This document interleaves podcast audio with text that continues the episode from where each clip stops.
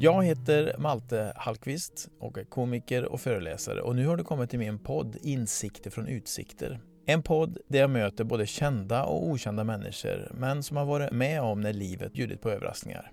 Om ni undrar vad jag gör när jag inte gör podd så hittar ni mig på Facebook och Instagram på Malte Hallqvist. Avsnittets gäst är en man som har vunnit det mesta inom ishockey. Det är OS, VM, SM och han har ett eget recept på hur man vinner. Men när man inte vinner då undrar jag, när det inte går som det är tänkt, har han ett recept för det också? Det hinner vi prata om och vi hinner också prata om mitt paradoxala förhållande till sporten hockey, machokultur och läktarkultur. Mästarnas mästare bjuder på sig själv och sina klokheter från sportens värld som man lätt kan plocka in i den vanliga vardagen. Men först, en liten reflektion kring sociala medier och kommunikation.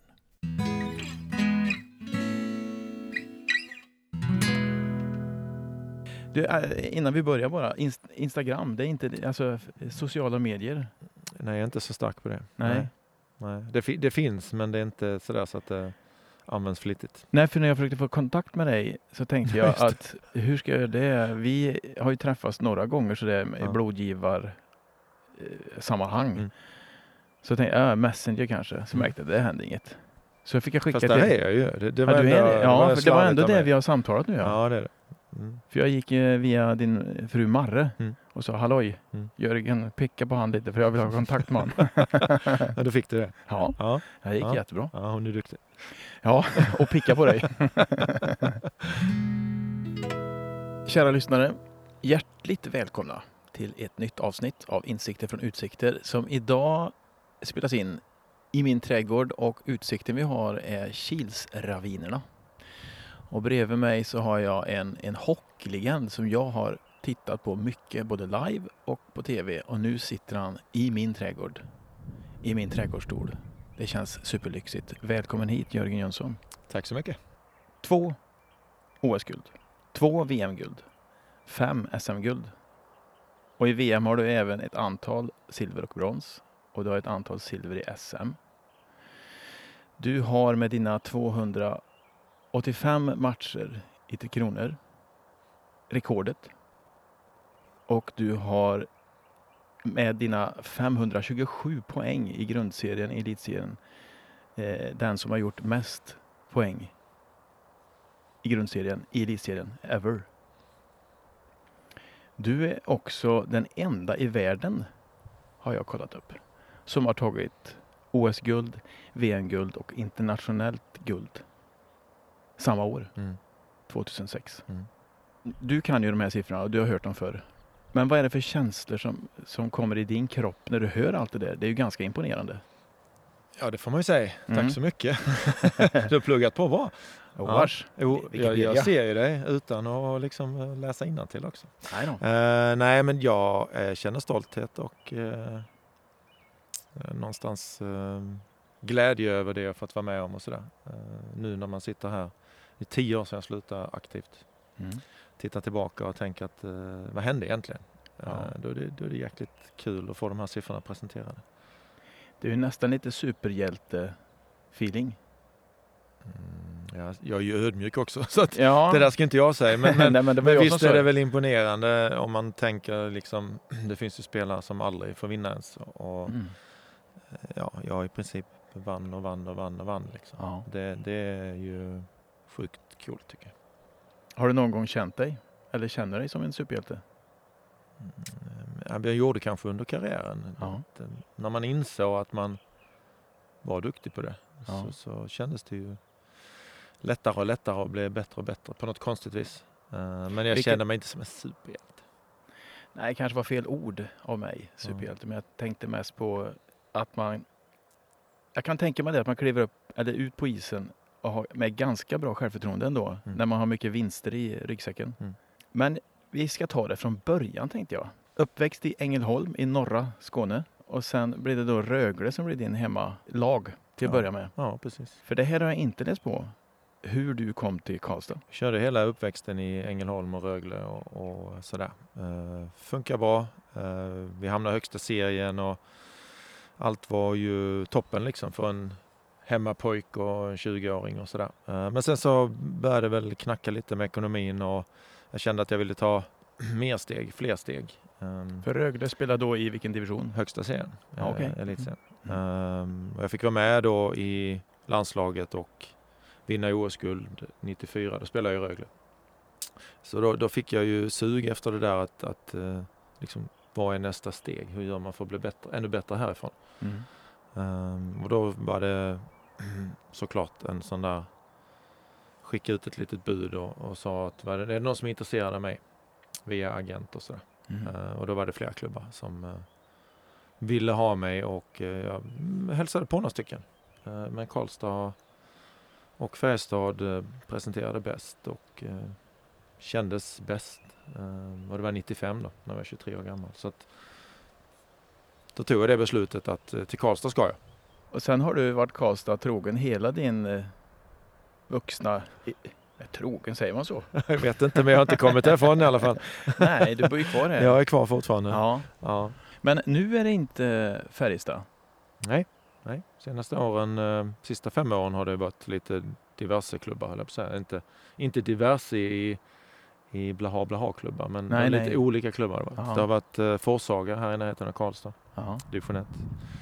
Växjö, två år. Eh, nu för tiden huserar jag i Örebro Hockey. Jag tänkte vi skulle fastna i det, eller fastna, jag tänkte vi skulle prata om det här med hockey för jag har en sån paradoxal känsla för hockey. Jag älskar det. Mm. Jag ser jättemycket på hockey. Jag ser gärna på hockey. Bra. Ja. Eh, jag och min fru Helena, vi har ju årskort så vi sitter och skriker. Men så finns det också en del i hockeyn som jag har lite svårt för. Och dels är det det som händer på läktaren. Vad folk skriker. Du är en av dem ju. Nej, ja, jag är mer positiv. Ja, du är positiv skrik. Ja, ja det är absolut. Mm. Eh, nej, vad det väcker för känslor och vad, hur folk får lov att uttrycka sig. Alltså det skulle nästan vara skadestånd om man skrek så eh, på en arbetsplats. Mm. Men i en hall så går det bra och jag har inte riktigt eh, förlika mig med det där. Det, och det tycker jag är jobbigt. Jag liksom tar illa vid mig, märker jag. När det skriks ord och eh, påstående som är bara tagna ur luften och är så oförskämda så det finns inte... Hur förhöll du dig som... Eller du kanske har någon slags förhållningssätt till det nu? Va? Nej, men jag, för det första så håller jag med dig uh, i det där. Ja. Känslor och stämning och uh, engagemang är ju fenomenalt när det uttrycks på, på rätt och bra sätt. Mm. Uh, I övrigt så tycker jag att det finns de som uppför sig på tok för, för, för dåligt helt enkelt. Uh, så. Uh, så det är fortfarande det är mitt förhållningssätt till det nu och hur förhöll jag mig till då? Um, jag, tror att, jag tror att en del människor går dit för att få utlopp för sin uppdämda dåliga känsla eller sin uppdämda dåliga Um, ja, man letar efter för ord. Men, men alltså ja, men de jag... mår nog inte bra och då, och då är det ett sätt där att under, om vi nu säger så, kontrollerade former. Det, det skriks och det gapas och ibland så blir det bråk på läktaren också, tyvärr. Uh, men, men på något sätt där, där, som du säger Malte, är det, är det okej? Okay, tydligen. Ja. ja, tydligen säger jag. Jag lägger till det ordet. För det är ju inte det, men, men det blir så, tror jag, för många. Ja, för jag, ibland, jag är inne på dina tankebanor också, för jag brukar tänka ibland det kanske förhindrar en hustrumisshandel eller något annat, att de får skrika ur sig. Mm. Nu, är inte bara, nu låter det som det är bara män som skriker dumheter, det är det inte alls, utan det är lika mycket kvinnor kan jag tycka som uttrycker sig väldigt konstigt. Men det kanske fungerar som någon slags, ja vad ska man kalla det, samhällsventil. Eh, men samtidigt så har jag, ja, jag har lite svårt för det där. Eh, och jag, jag har inget eh, svar på hur man ska få stopp på det heller. Jag tror att det handlar om att du sitter bredvid någon och, och någonstans vågar säga till någon att det där kanske var för mycket. Mm. Det är väl enda sättet skulle jag tänka mig. För att annars, om ingen säger, om ni bara, nu säger ni som åskådare menar jag då, mm, mm. Bara pratar till de som är längst ner på isen och inte, inte reflekterar över vad som händer bredvid er, då, då blir det ju en tv-soffamiljö nästan fast man smittas av känslorna. Är du med vad jag menar? Mm, man tittar ja. rakt fram och pratar till människor som är 30 meter bort och, och, och tror att jag hörs inte. Men man hörs ju jättemycket. Mm. Ja, hör ni spelare det som skriks? Mm, ja, det gör man ju absolut. Ja. Eh, ibland i stunder, under långa stunder när det liksom är en jämn och hög ljudkuliss. Då hör man ju ingenting av publiken. Då är den som bortfiltrerad. Mm. Minns jag det som när jag spelade, att det mm. liksom är ett totalt fokus och det där ljudet, ljudet som brusar eller som stegras och sjunker, det, det är något som bara är där liksom. Eh, men när det blir tyst och eh, lite avs, avslappnat och sådär, då, då hör man ju definitivt folk som skriker och både det ena och det andra. Ja, och hur, hur är språket på isen? För det hör ju inte vi. Eh, nej, men det... Håller det samma nivå eller? Ja, jo, det gör det väl. Ja, jag tror om du tar ett genomsnitt av publiken så, så är det nog ett genomsnitt av spelarna. Det, ja. det finns... Eh, För jag var, eh, när min pojk Josef var liten så åkte vi till eh, Norvalla, alltså ishallen i Vårberg. Då var det SM i inlines och då var det mycket Färjestad-spelare, eh, i toppspelare alltså, och inte bara Färjestad, men det var ju elitseriespelare som var med. Mm. Och då var det inte så stort, det här är ju många år sedan, det kan ju vara en 15 år sedan någonting. Eh, så det var inte så mycket publik, så det blev inte det bruset, man hörde, man hörde allt som sades mm. där nere mm. på banan. Och det var många konstiga ord. ja, jag fick sitta och hålla ja. för öronen på Josef, så ja. jag tänkte det här kan ju inte... Och det är det jag också tänkt på, eh, det är ingen annan sport som, som använder sig av det språket på samma sätt. Eh, och vart kommer det ifrån? Har du någon Ja, det där tycker jag är svårt att svara på, men det är en intressant frågeställning för jag tänker ju ofta på det också nu när man blir klokare och, har lämnat den aktiva karriären bakom sig så, så, reflekterar man ju tydligare på vad som sker liksom och sådär. Bland spelarna pratar jag då. Mm. Um, jag, jag, tycker egentligen att det är ju ingen bra Långa stunder är det ju ingen bra kultur i språket. Så, så är det ju. Nej, om man undrar vad det är som, om det är hockeyn i sig som är lite maskul, alltså machokultur. Det är mycket styrka och det är, man ska ta i och mm. om det är det som... Fast jag tänker ändå, jag brukar, eh, inte så ofta, men när svenska handbollslandslaget spelar så brukar jag titta i alla fall. Mm. Och de, eh, om vi nu kallar det pojkar eller män eller för den del tjejer också, såklart. Det, det, är, det är en tuff sport alltså. Aha. Där känns det som att på något sätt finns det en, en osynlig barriär som man inte passerar. Liksom. Man spelar stenhårt, men det ser inte ut som att man tjafsar med varandra. Det ser inte ut som att man gör saker som inte är tillåtet i alla fall. Eh, jag vet att de håller på med tjuvnyp de också såklart, men så fort domaren blåser så lägger man bollen och springer därifrån för annars blir man utvisad. Och mm. Det finns som ett regelverk som är tydligare och lättare att förhålla sig till tror jag. Eh, I hockeyn så, ja dels är det kanske mer folk. Svårare ja. att uppfatta ord som sägs både för domaren och för publiken, ord som sägs längre bort liksom. Eh, och sen så har det blivit som en kultur tycker jag tyvärr att, eh, att det ska liksom jag brukar säga tjafs. Det ska smågnabbas mm. Eh, väldigt ofta efter signal. Efter avblåst Ja, absolut. Men upplever du att regelverket är luddigare i hockeyn? Ja, ta jämför med handboll som du säger. Ja, men i det att när domaren blåser så byter ju spelet i handboll riktning. Mm. Eh, det, det, sker ju inte i hockey för då ska det ju bytas och det är paus och det är...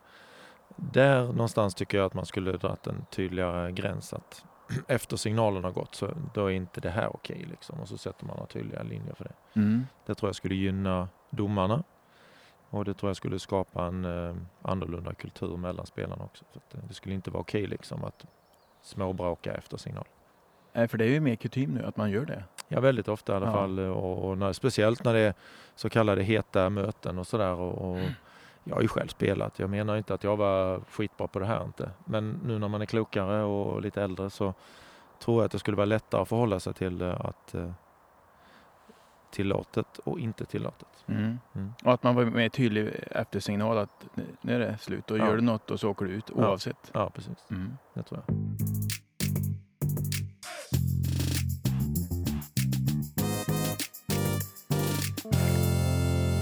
Sponsorsnack. Nu hade jag tänkt att berätta vad jag tycker om Sensus. Och när jag tänkte på det så kom jag på att det kanske inte är så många som vet vad Sensus är. Så då tänkte jag att då får jag ändra på det nu. Sensus är ett studieförbund som jag har jobbat mycket med och för. Och det har jag gjort för jag tycker de är så bra. På väldigt många olika sätt. För väldigt många olika människor. Ett studieförbund som stöttar folkbildning med bland annat studiecirklar, det gillar man. Ja, i alla fall gör jag det. Jag minns en slogan från förr. Den var ungefär så här. Du som vill framåt, gå i cirkel. Den är kul. Och säger en del. Så gillar du demokrati, kultur och mänskliga möten så är Sensus en otroligt bra sparringspartner för dig och din grupps utveckling. Gå in på sensus.se och läs mer. Att starta studiecirkel via Sensus är ett sätt att lära känna varann.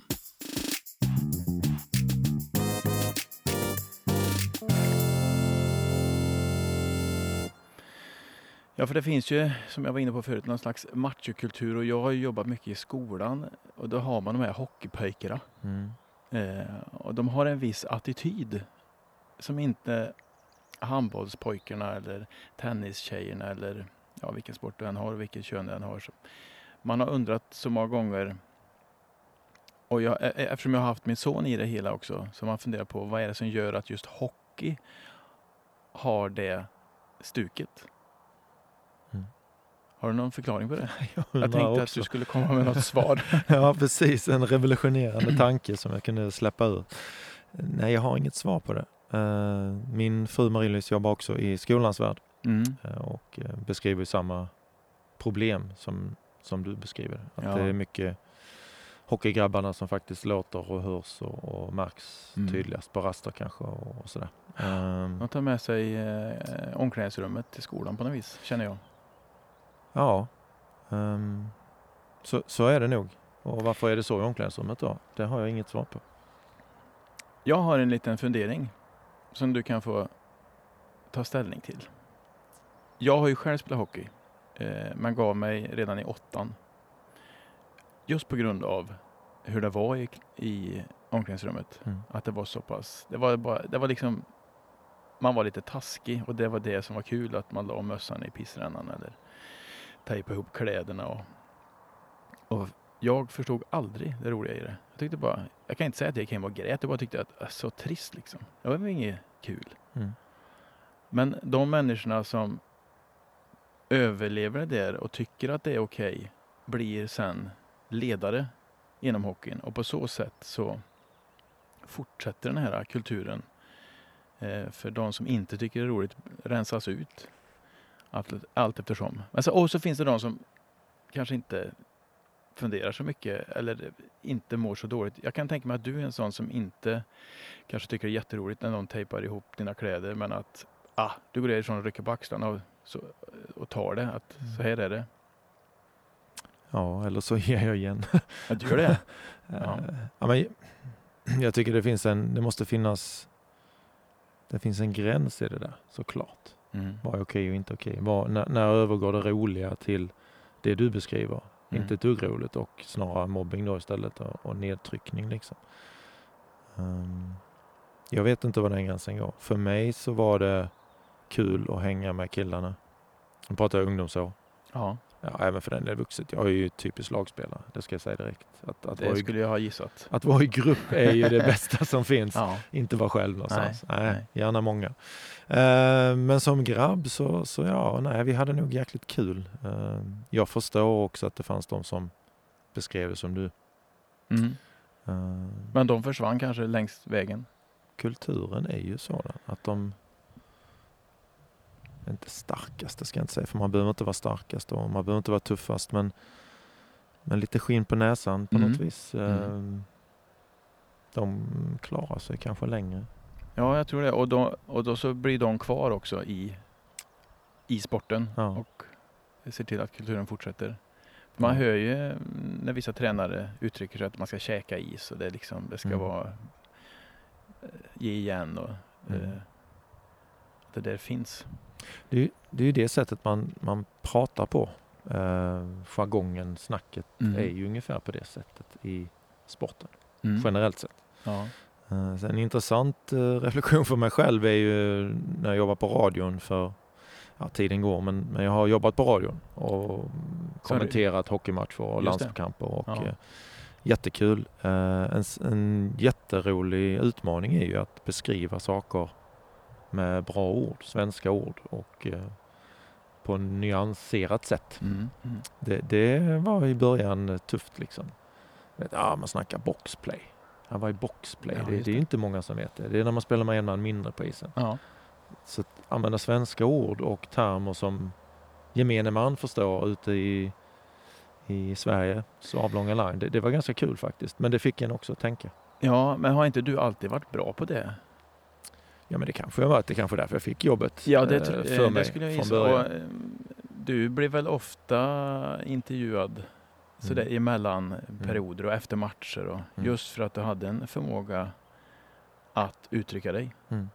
Jo men så är det kanske. Men, men ändå så känner jag nu när jag sitter här och pratar med dig att jag minns så väl när jag började på radion att jag fick faktiskt tänka efter och, mm. och säga ord som funkar bättre i svenska språket än att bara använda hockeytermer. Liksom. Ja, just det. Mm. Sitter du och tänker på det också, att du ska använda bra ord? Uh, nej. Skönt. det, jag försöker vara mig själv nu. Det är ett bra betyg. uh, nej men det där har ju också, vi pratar machokultur, uh, men också att, att du då stack ut som hockeyspelare, att du kunde uttrycka dig. Mm. Är hockeyspelare lite dummare än andra? jag måste säga ja på det eller? Nej, jag har ingen, det där har jag men det är klart, det, det, återigen, vi är tillbaka till sådana här kulturella saker som sker i olika idrotter eller olika delar av vårt samhälle. Mm. Um, hockeygymnasium är ju inte den delen där man liksom mest förknippat med bra betyg och höga intellektuella eh, kunskaper. Nej. Uh, det handlar mer om fysiska färdigheter och Eh, kanske mindre om eh, att vara jätteduktig i skolan. Så, så, att um, det finns ju någonstans en sån osund, jag vet inte om man ska säga osund, men, men en, liksom en lite sämre kultur kring det. Um. Ja, och det är av min paradoxala känsla för hockey. Men samtidigt så händer det en massa saker. Färjestad nu har jag jobbat jättemycket. Eh, en riktig man heter deras mm eh, vad ska man kalla det, grepp på att, att få spelare att prata om hur man känner och varför man känner som man känner. Djurgården har också jobbat med det vet jag. Det är bara att sitta i ring och eh, grabbarna emellan förklara vad man känner. Jag tror det kan vara en jättebra övning om man nu har svårt att, eh, att prata om känslor. Mm det är ju på väg in. Alltså det, det sker ju en förändring eh, till det bättre. Gör ni något uh, sånt i Örebro? Uh, nej, inte just så som Djurgården och Färjestad och sådär. Vi, vi, har ju, vi försöker dra vårt strå till stacken kring HBTQ och uh, den bitarna där vi ändå försöker uppmärksamma det och, och hjälpa till att skapa den öppenheten i vår sport och i samhället i alla fall. Mm.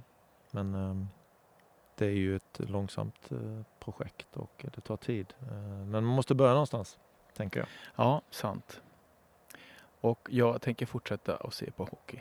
För jag älskar det där spelet. Det... Och kanske, det här blir också paradoxalt, det kanske är just för att det är som det är. Att det är hårda fighter och kanske finns någonstans i oss människor också, lite, det är ju lite gladiatorspel. Mm. Ja, vi var ju och tittade på hockey med våra barn också när de var små. Jag minns så väl Ida, då, min dotter. Eh, hon älskar när det blir slagsmål. Mm. Och då var hon inte gammal, kanske 10, 11. Mm. Och eh, en match så, så satt vi ganska långt ner i en kurva, eller i en, i, vad säger man, kurva? Ja, hörn, sväng. Hörn, just det. Satt långt ner. Och så vart det sådär riktigt slagsmål när båda lagen hoppar ur. Mm. Och, så, och, precis i det hörnet. Och så tittar jag på Ida och hon sitter där och det bara glittrar i ögonen på henne. Så det är ju någonting med oss människor också. Att vi tycker om att se på gladiatorspel på något vis. Mm. Det är ju en sport som är svår att utföra, svår att, att genomföra eh, och sådär. Och det skapar väl också någon slags aura kring det här att man är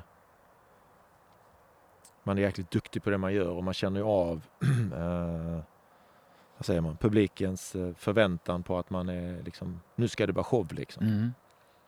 Ja, ni, ja, ni är ju ändå i, i underhållningsbranschen kan man tycka. Ja men det är ju så, på ett eller annat sätt så går ju du och alla andra dit för att se och gå därifrån med någonting som har kul som har hänt Aha. på ett eller annat sätt. Jag kan till och med känna lite avundsjuka ibland. Jag håller också på med underhållning. Eh, Färjestad då drar 8000 pers två gånger i veckan. Mm. Jag får ha många föreställningar innan jag kommer upp i 8000 pers. Ja, du är på väg. ja, jo då. Ja. Mina damer och herrar, det har äntligen blivit dags, inte bara för mitt och Maltes favoritmoment här i programmet i podcasten, utan jag gissar för er allas. Det har blivit dags för Tombolan! Tombolan! Då har det gått och blivit dags för tombolan och för dig är det här lite nytt för du har inte riktigt, du har ingen koll på den här podden. Eh, så jag får förklara för dig att mitt emellan oss nu står det en tombola som du ska snurra på. Och i det så finns det då existentiella frågeställningar kan man säga. Vi drar väl eh, en i taget och så får vi se när vi tycker det är... Ja, det är bra med en i taget. Annars kan det bli tungt. Ja. ja. Ja, vi kör här då.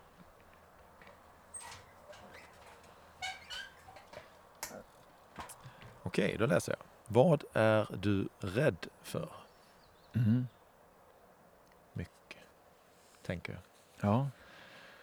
Som till exempel? Kanske mest att någon som jag när, står mig nära och kära inte mår bra eller blir sjuk eller ännu mm. värre kanske. Det är jag mest rädd för. Känns andra det så personer alltså, inte så eh. mycket för mig själv. Okej, okay, mer att andra ja, men min familj, äh, mina föräldrar, ja. Äh, är det något som blir aktuellt nu i coronatider också? såklart ja. blir det väl ännu mer aktualiserat. Och, eh, så här långt har det gått bra för, för de, de jag känner närmst. Mm. Men, men det, blir, det är jag rädd för. Um, men inte för egen del? Inte för egen del. Nej, Nej jag känner mig fortfarande du, inte som en superhjälte som du inledde med. Jag, jag, känner mig ändå ganska stark. Ja. Så Tränar du mycket? Ja, relativt. Ja, jag ser ju på dig, du ser ju tränad ut. Ja. Mm. Uh, ja. Dina benmuskler finns, ser jag. De är kvar. Mm. Mindre, men de är kvar. Jo. Uh, men ja, nej, men så jag känner mig ganska stark. Men om jag skulle rent generellt vara rädd för något annat, någon, någon sak eller sådär? Nej, jag vet inte. På äldre dagar, lite höga höjder. Ja. Då snackar vi kanske så här... Klättra på stege, måla? Nej, det funkar bra fortfarande. Mm. Uh, eller ja, mitt hus är sju meter. Ja, det, är det, det funkar. Okay. Jag har varit uppe på högre på stege, det, det kittlar i benen nu för tiden. Ja. Och sen så eh, sån här balkongräcke som är på tolfte våningen på oh. hotellen och sådär. De lutar mig inte mot det längre. Det gjorde jag innan, det gör jag inte längre. Det tycker jag är... Då, då står jag på plattformen och men tittar ner. Men det har det ringat in ja, att, att du gjorde så förr men inte ja, nu? Ja, alltså ja. jag blivit lite mer rädd med åldern. Är det? Klok. Kan vara vilket som. Vi drar en till. Vad spännande det här var. Mm. Då står det på nästa. Kan du nämna en sak du vill uppleva innan du dör? Ja, en sak. Min bucketlist är nog rätt lång. En bucketlist. Mm pricka av-lista. Liksom. Nu kommer att göra listan. Jörgen igång ja, Där kom han in, där ja, kom han in faktiskt. Förklara, för det är ja, bra. Ja, jag tänkte det är bra. Mm. Uh, att göra-listan är väl lång, men det är mycket sådana här fortfarande köra fort och uh, vad menar du med det? Köra fort? Men det skulle vara så kul att köra... Rally? Nej, racing. Nej. Racing, ja, rally. Inte rally, det är skogen. Vad är för skillnad? Rally i skogen med träd och ja. dike och stenar. Och... och ni som inte ser Jörgen nu, men nu rynkar han på näsan kan jag säga. ja, det får jag göra. De, de verkar ju faktiskt eh, galna på ja. riktigt. Uh, det skulle vara kul. Alltså, du, alltså köra fort på asfalt? Köra alltså, fort på asfalt, mm. runt, runt, runt bara sådär. Men med en bil som man inte behöver vara rädd om och sådär. Är det för sent? Nej, så det, det kan man ju fortfarande göra. Vi kan hoppas att någon som sysslar med det där lyssnar på den här podden. Ja, absolut. Så det du får någon kul. slags erbjudande. Ring.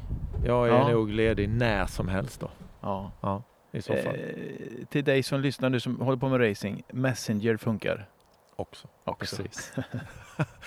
eh, vad skulle jag annars vilja göra innan jag dör? Uppleva? Inga stora, inga stora framhävningar sån just nu faktiskt. Känner jag. Nej. Inga sån som jag tänkt på. Semester i New York skulle kunna vara en sak. Men nu när vi sitter här och njuter av din utsikt Malte i dessa tider ja. Eh, så, så är inte New York det första stället man känner att man vill åka till när man, när man ser den här harmonin och eh, men du, för mig som älskar Kil då, det var ju vilken härlig parallell. Att du väljer Kil före New York. Eller hur? Ja, bra.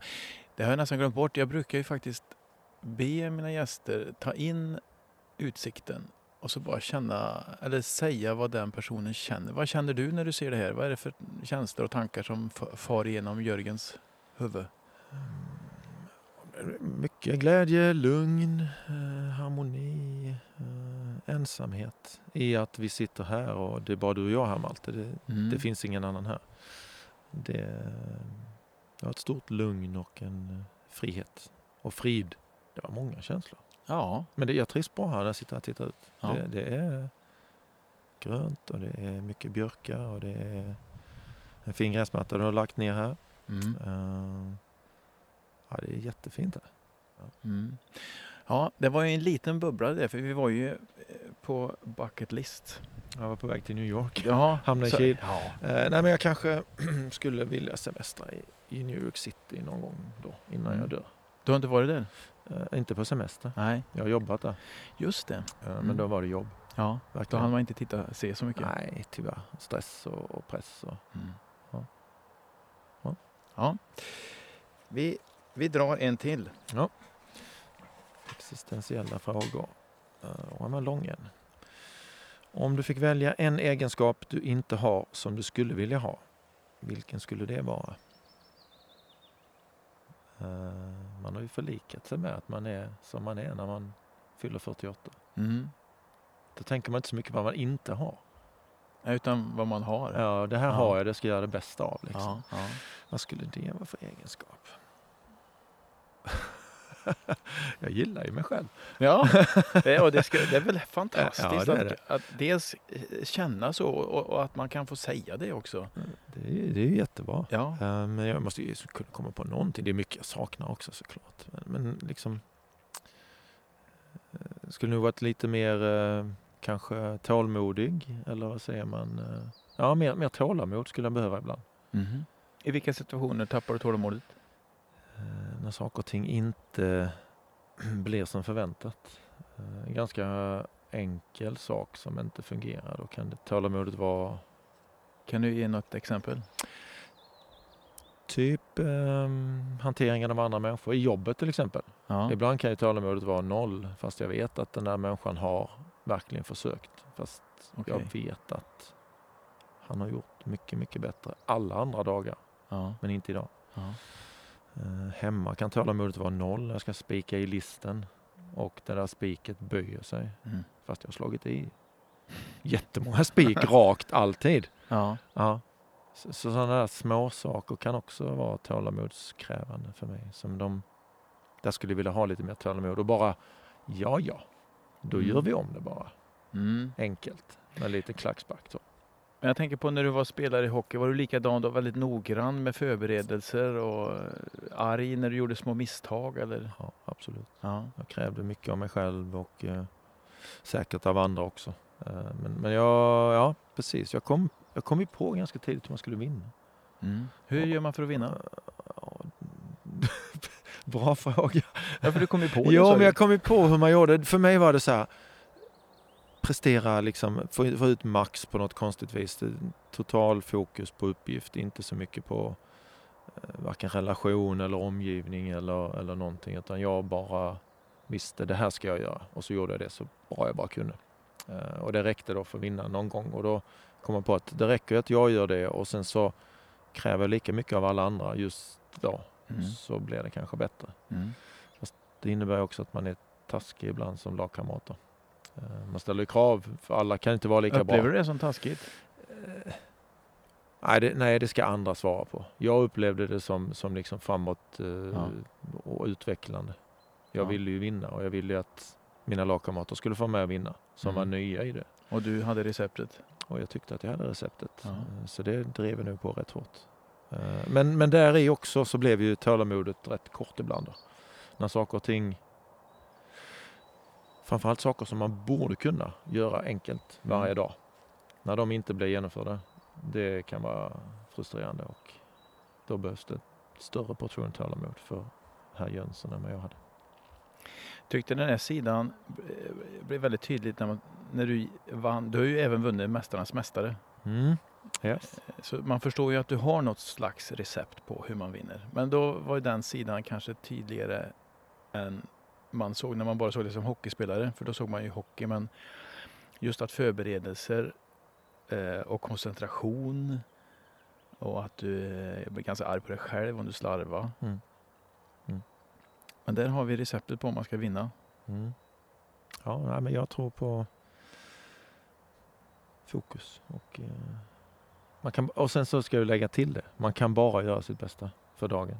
Mm. Mm. Sen det är ju paradox. Men det gäller att se ja. till att den dagen man ska vinna, att man gör sitt, då är man som bäst också. Mm. Men, men i övrigt så tycker jag inte att, inga orealistiska krav på dig Malte, att du ska vara perfekt varje dag. Det, det, kan man inte vara, det är ingen, det är inte jag heller. Mm. Men just nu, här, så gör vi ju bra ifrån oss. Nu tycker jag att du är perfekt. Ja, det är underbart. du, vill du dra en till? Ja, det gör jag. Eh, så, så, så stänger vi den sen. Spännande och svårt. Mm. Mm.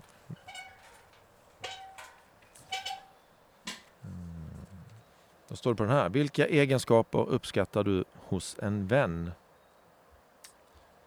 Eh, det blir ganska många det. Men, men eh, framförallt humor och lojalitet. Eh, pålitlighet. Eh, ja. Och där kan man ju ana att du är en lagspelare mm. med de värdeorden. Mm. Jo, men det är ju så lite att för att ha kul med någon som jag ska titulera min vän så måste jag ju kunna lita på den där människan också och säga saker som kanske i stunden är flamsiga och tramsiga men att de inte förs vidare liksom. Mm, uh, och sådär. Uh, att man skrattar tillsammans och ja, behöver jag stöd eller stöttning eller råd så, så ska jag kunna lita på att den där personen är där också.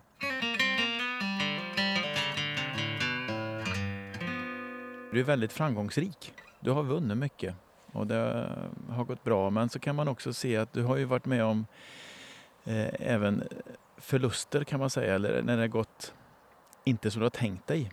Eh, det här gissar jag bara att det är så. Eh, men NHL-karriären som blev avbruten, vad hände? Det var ett, eh, ett eh, familjebeslut egentligen mm. Eh, som, som gjorde att jag valde själv att avbryta. Jag var i New York och spelade i Islanders. Frun var där med och vi hade precis fått Ida, dottern. Hon var ett och ett halvt då. Det var 99.00. Eh, men, men det funkar inte något vidare för oss tillsammans där borta i den miljön. Mycket resor och... Eh, Va? Ja, när du säger att det inte funkar, vad var det som inte funkar? Ja, jag var borta mycket. Eh, mm. Behövde lägga mycket energi på att prestera på hockeyplan och när jag var ledig så kände jag att jag behövde vila och då, då ville ju familjen då liksom få utlopp för sin energi som de hade konserverat under tiden jag varit borta och sådär då. Mm. Eh, så vi fick inte till det där riktigt tycker jag, det sociala samspelet oss emellan och det var slitsamt faktiskt. Mm.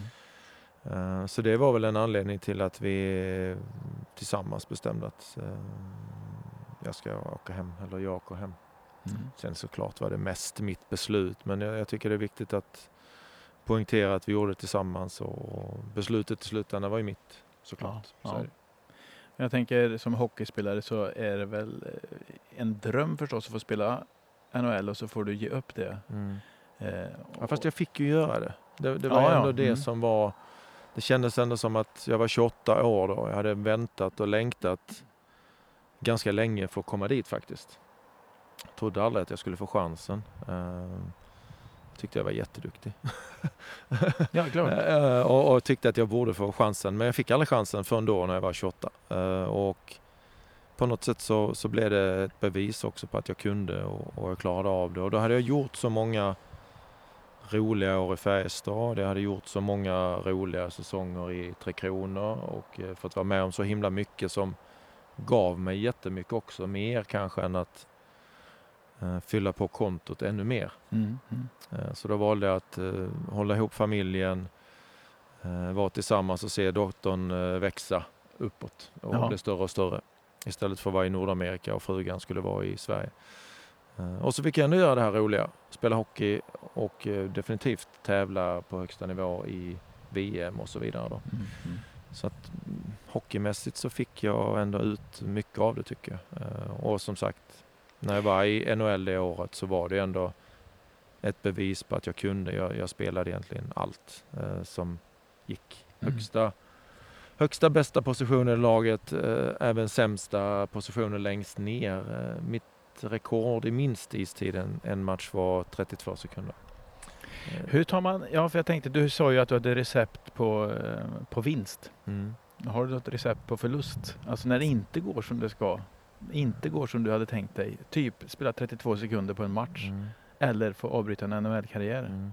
Vad va, va, va tar du fram för verktyg ur verktygslådan då? Fördelen för mig har ju blivit, eller är, att jag har ganska många positiva bilder att hämta energi och tankar mm. ur. Um, får man 32 sekunder i en hockeymatch dag ut och dag in och uh, inte har fått vara med och vinna så kan jag tänka mig att det är mycket svårare att komma ur än vad det är, för då blir det ju en sanning, en, en, eh, en verklighet att så här är det liksom. Mm. För mig då var det ganska lugnt. jag gick in till coachen uh, faktiskt och sa att uh, det här är ju alldeles för lite. Det här går inte, så här kan inte jag ha det. Eh, vad ska jag göra för att få spela mer? Och så gav han mig lite saker, åka mer skridskor, tackla, eh, egentligen spela enklare bara, alltså hårdare och enklare. Okay. Eh, och då så kände jag att ja men det kan jag göra. Mm. För att göra han nöjd. För det handlar om att göra han nöjd, han är ju min chef. Mm. Så då gick jag in och, tacklade och åkte mer och eh, spelade ännu enklare. Och inte alls likt det sättet att spela som jag brukar göra. Men det gjorde jag och då ganska snabbt och, och stadigt gick, fick jag mer istid istället. Mm. Och sen så till sist så tyckte han väl att eh, du är ganska duktig nu för nu får du spela första femman också. Och spela 19 minuter också. Mm. Så att, men, men för mig var det på något sätt, gör det som jag frågade jag skulle göra eh, där. Du verkar ju ganska pragmatisk. Mm. Eh, och det är kanske det som är receptet på hur man tar en förlust. Ja, men jag tror det. Ja. Du verkar ha klarat dig. Analysera vilka detaljer räckte inte till i spelet idag. Mm. De måste göra bättre nästa gång och så gå in till nästa match och tänka att just det, de här bitarna ska jag göra bättre. Mm. För det andra kunde jag ju. Mm. mm. Eh, en annan sån, eh, när det inte blev som det skulle, om jag tolkar rätt, jag kanske har helt fel här, men eh, när du inte längre fick eh, förtroende att vara sportchef i FBK. Mm. Vad hände där? Ja, men det var återigen mitt val, eh, men det blev definitivt inte som det skulle. Eh, där räckte jag inte till helt enkelt bara. Ehm, På vilket sätt då? Ehm, alltså jobbmässigt, eh, mänskligt, energimässigt.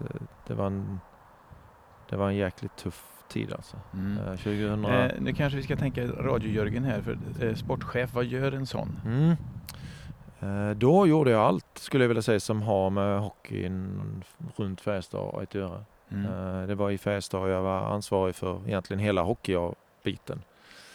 Från A-lag ner till eh, knattarna. Och man ser till att det finns istid, att det finns utrustning, att det finns tillräckligt bra spelare framför allt i representationslaget, A-laget. Det är mm. det viktigaste uppgiften.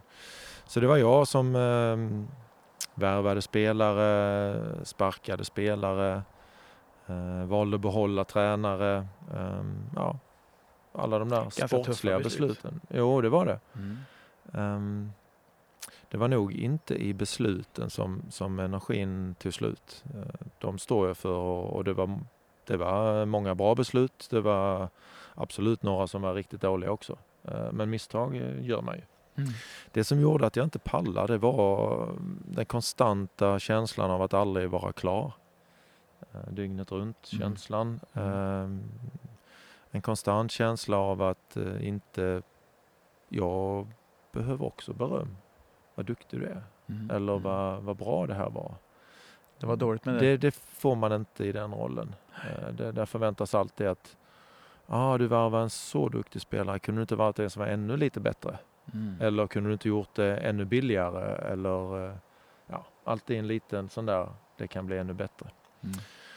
Uh, det, det, var mest de bitarna som gjorde att uh, och sen så tyckte jag att arbetsbördan var stor. Eh, det var mycket sånt här annat som inte jag pallar med egentligen. Alltså fixa en lägenhet. Eh, funkar inte bredbandet hos en hockeyspelare, en utländsk hockeyspelare ska jag säga. För i deras kontrakt står det att de ska ha allt servat då. Mm. Funkar inte bredbandet så, så var det jag som skulle fixa det. Eh, eller jag som skulle. Jag, jag gjorde för, det. Ja, men jag har förstått det där. Jag visste inte att det var så. Men när jag kollar upp vad en sportchef gör så är det ju verkligen en enorm palett av uppgifter. Ja, och det ser man ju tydligt nu att de flesta klubbarna, Färjestad bland annat, har ju fler. Alltså det man är en eller två eller en grupp till och med som, som kan få jobba med sportsliga biten. Ehm, så var det inte då eh, för fem sex år sedan när jag höll på. Mm. Ehm, så, så att, eh, det, det var ett misslyckande, ett tufft misslyckande tycker jag. Jag hade ja. gick in i den tjänsten att ja, men det här fixar jag, det blev skitkul. Eh, och det var jättekul eh, under ganska långa stunder. Men efter, jag gjorde, efter sommaren, jag gjorde bara ett år i princip som sportchef. Efter sommaren när jag var klar med laget och, och liksom kände att nej, det var inte kul det heller. Nej. Då fick jag ingen energi alls. Utan då... Och vad hände med Jörgen då? Ja men det var tufft. Då var det eh, sent in till jobbet. För jag var trött på morgonen. Mm. Eh, tidigt hem från jobbet för att sova lite. Eh, innan eh, jag skulle vara eh, för familjens skull också på kvällen. Mm. Och sen så sov jag dåligt på nätterna. Så att, men det var väl det klassiska, gå in i väggen egentligen. Ja. Sjukt låg energinivå och bara allmänt deppig och aldrig glad. Och, nej, så då kände jag bara att jag mår skit helt enkelt. Jag mm. måste härifrån. Mm. och det gick väl alldeles för snabbt. Jag är nog en sån som funderar ganska mycket själv länge och sen när jag väl har kommit fram till ett eget beslut då, då genomför man det. Liksom. Så att egentligen från en, en dag till en annan så, så gick jag hem bara och det, det var väl dumt. Det hade varit bättre att vara sjukskriven i ett halvår. Eh, då hade jag fått lön i ett halvår. Mm. Eh, nu så bara avslutar vi allt och lönen slutar komma och eh, jag mådde fortfarande skit. Det, det var inte så att klubben tog kontakt med dig och erbjöd hjälp och så? Nej, Nej. Nej. Uh, nej. Det var, det var tyst ja. faktiskt. Väldigt tyst. Hur känns det? Ja men det svider lite grann. Eller, Många år det har, i gått över nu, det har gått över nu men det sved då. Gjorde ja. uh, det var... Så det är inget sånt du tar med dig när du kommer med Örebro? Att du vill piska Färjestad för att... Nej inte så. Nej, Nej men jag, jag, är besviken på sättet de uh, inte hjälpte mig. Sen, mm. sen kan det ju vara mitt eget fel som jag sa, om jag går länge och tänker på något och sen så bestämmer mig då, då kan man nog vara ganska tydlig och ja, övertygande de... om att jag, det här är inget för mig. Ja, okay. så de, kanske... du, att de inte fick vara med i processen menar du? Det fick de inte vara och eh, sen så efter när jag tagit beslutet så var jag kanske så pass tydlig att de ville kanske inte störa ens. De ville kanske inte gnugga i det där såret kanske. Jag vet inte hur de tänkte. Jag har faktiskt aldrig frågat dem. Nej, men lite besvikelse ser jag ju. ja, men det är det. Att, att de inte hörde av sig. Ja, det tycker jag. Mm. Fasen, man har kämpat länge och jag kastade in allt jag hade det året. Mm. Och, det och blev, ganska många år innan också. Och det blev inte, ja, och det blev inte värt någonting. Liksom, typ. Och hur tog du dig ur det då? Den besvikelsen. Hur, för du, kände, du sa ju förut att det, det har gått över nu. Mm. Vad har du gjort för att det ska gå över? Mm, men det, det jag gick länge. Åtta, sju, åtta månader. Och sen så ringde Peter Rover på Effect Management. Jag nämner de här för jag är glad att de ringde och, mm. och jobbade hos dem i tio månader som konsult på mina egna villkor helt enkelt. Ehm, kom när du vill, gå när du vill. Ehm, vad, var det för arbetsuppgifter? Eh, då så körde jag ju ledarskapsutbildningar, mm. Eh, grupp, um, grupputbildningar egentligen för nya grupper och sådär. Liksom. Med erfarenheterna från hockeyn och deras kunskaper kring processer och hur man bedriver och utvecklar grupper och ledarskap. Så. Uh, det var extremt kul faktiskt. Mm. Jättekul. Uh, fast det där med ordet konsult är ju också förknippat med att Ja, du vet ju själv Malte, du är ju till viss del konsult. Ju. Yes. Kommer det inte in några uppgifter så, så kommer det inte in några pengar heller. Uh, och det var väl efter en stund då som jag sa uh, så, så började jag väl ändå tycka att nej men nu får kontot, nu måste det in lite pengar på kontot också. Och då var det lite för lite uppdrag där hos Effekt. Jag trivdes sjukt bra. Uh, ja, extremt bra tid hade jag. Mm härliga arbetskamrater och allting. Det är den bästa tiden jag haft på länge. Eh, och då eh, ja, så ringde hockeyn. Och då hoppade jag på det direkt. Då, för det var, då var det Växjö? Då var det Forshaga först Nej, faktiskt. Forshaga först ja. Mm. Mm. Eh, men då var det konstant lön in och eh, något jag kunde och mm. ändå hade funderat kring kanske att ändå skulle bli tränare. Så då blev det så. Om du inte hade sysslat med hockey, hade det varit någon sån här eh, ledarskapsutbildare eller vad, vad hade du hamnat då tror du? Nu efter menar du? Ja, eller, eller det... inte hockey från början? Ja, vad hade det blivit av dig om du inte hade blivit hockeyspelare? Ja, men då hade jag nog... Eh... Jag tänker att jag hade nog blivit militär eller brandman. Mm. och så pluggar jag ekonomi. Uh, ja, nej, men militär och brandman tänker jag därför att det funkar bra för mig i, i den där uh, likvärdigheten. Uh, samma uniform, ganska lag, tydlig lag. lag. och ganska tydlig förväntan, bild liksom. Jag, ja. Tänker jag nu då att ja men militär, gå dit. Ja det gör jag. Mm. Någon säger till mig det. Brandman, släck den här elden. Ja då gör vi det. Liksom, sådär enkelt och inte en massa sådär hur, om och varför utan då gör vi det bara. Mm. Ehm, men efter hockeykarriären, med allt jag fick vara med om och, bära på mig och, och erfarenheter och kunskaper och ta hand om människor och möta olika människor i olika typer av situationer så, så skulle jag absolut kunna tänka mig den typen av ledarskap som jag pysslade med där hos Effect Management. Um, jättekul att uh, försöka hjälpa nya chefer och ledare i att bygga deras kunskapsbank. Liksom. Mm, möta nya grupper, prata inför folk. Det är en skön känsla av eh, förväntan samtidigt som jag ska leverera något jävligt smart förhoppningsvis. Då. Mm. Eh, och så får du den eh, feedbacken som du kanske saknar som sportchef, att man får höra att man var bra sagt eller bra gjort. Eller... Precis, och lite som vi pratade innan mikrofonen gick igång här, att man, man känner ju om man fångar gruppen eller om man mm. fångar personerna som sitter framför en det, det är ju häftigt att försöka jobba för att göra det. Mm. Så att, det är kul, instant feedback.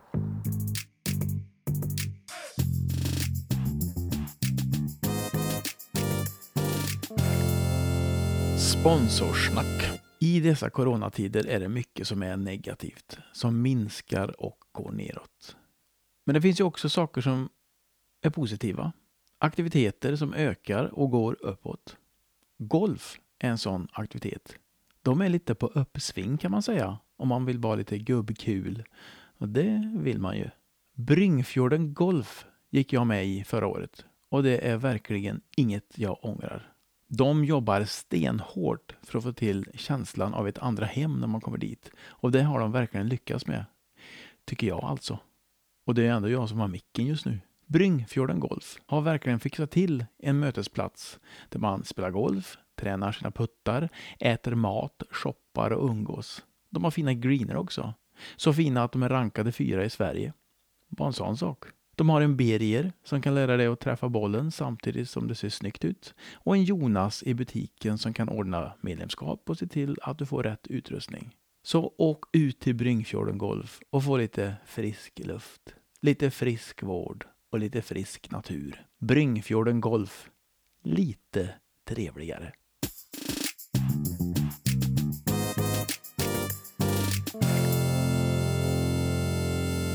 Många hockeyspelare säger när de har slutat sin karriär att det är svårt att ersätta den här kicken när man kliver ut på isen och det är fullsatt och det är bra stämning. Hur, hur har du tacklat det? Genom att vara kvar i hockeyn. Ja. Ehm. Men är det samma sak? Känner du samma i kroppen? Är det samma kemi som snurrar runt? Ja, lite grann nu när jag är tränare är det ungefär samma känslor. Mm. Ehm, det är inte lika mycket såklart ehm, som, hockey, som aktiv hockeyspelare så, så, har jag någon slags fysisk leverans och, och prestera också. Men som tränare använder man ju bara huvudet egentligen. Men det är samma sköna känsla innan förväntan, samma sköna känsla under tiden när det funkar, liksom tillfredsställelse och samma känsla efter om man förlorar eller vinner, det vill säga besvikelse eller eh, glädje. Mm. Så att känslorna går igen. Vart är du på väg? Det, det är lite oklart faktiskt. Eh, en sån där eh, tanke jag har med hockeyn just nu, för nu kör jag på det ett tag, då är det ändå att bli eh, huvudansvarig någonstans. Ehm, hur, hur långt kan jag utveckla mig själv? Ehm, hur mycket kan jag utveckla andra? Ehm, kan jag utveckla de andra med liksom ett ansvar över en hel grupp sådär? Ja, jag tror ju det och det är därför jag vill testa det också. Men hur långt skulle du vilja dra det? Eller det är ett steg i taget. Det är väl så jag har varit. Liksom. Mm. Näst, nu är jag assisterande tränare heter det och, och då, så nästa steg är att vara ansvarig för en bra klubb eller en, bra, en klubb i högsta serien i Sverige. Det är mitt nästa mål. Finns lagslagstränare? Ja men precis. Fun funkar det då, uh, nu pratar jag mun på dig, funkar det då så tänker jag att ja, då, då skulle jag mycket väl kunna tänka mig att ta nästa steg också. För att för mig är det utveckling en ständig process. Liksom. Mm. Jag som människa måste utvecklas och, och göra nästa sak. Och, och, det behöver inte vara massa stora saker men att stå stilla, det är jag för ung för fortfarande. Att stå stilla innebär att man går bakåt. Mm. Och det vill jag inte. Jag tror att du är en sån som eh, aldrig kommer stå stilla. På ett sätt hoppas jag det. Mm. För det, jag tycker att man lär sig saker varje dag. Och, om hur hantera andra, hantera sig själv. Man tycker att man är 48 och borde fulla, men, men det är man inte. Nej, jag är 52. Jag, nej. nej, det finns, det finns kvar saker. Ja, men det är så himla härligt. och det är så gött också när man kommer på att ah, mm. det här lärde jag mig nu. Vad roligt. Mm. Jättekul. Ja. Upplyftande känsla på mm. riktigt. Ja. Um, så att, så att, men det, blir, det är små steg framåt vidare. Det är inget sånt här jag ska gå och bli NHL-coach. Liksom. Det, det, det, skulle jag mycket väl kunna tänka mig till sist. Men mm. det, är viktigt att ta det steg för steg. För man kan inte hoppa över något steg. Då trillar man ner tror jag. Jag önskar dig eh, all lycka i världen i dina små steg till ditt mål, vad det nu än blir. Mm. Jättetrevligt, fantastiskt skulle jag vilja säga. Det är rätt bättre ord. Att få sitta här med dig i min trädgård i solsken. Tack för att du kom hit. Tack så hemskt mycket Malte, det var jättekul.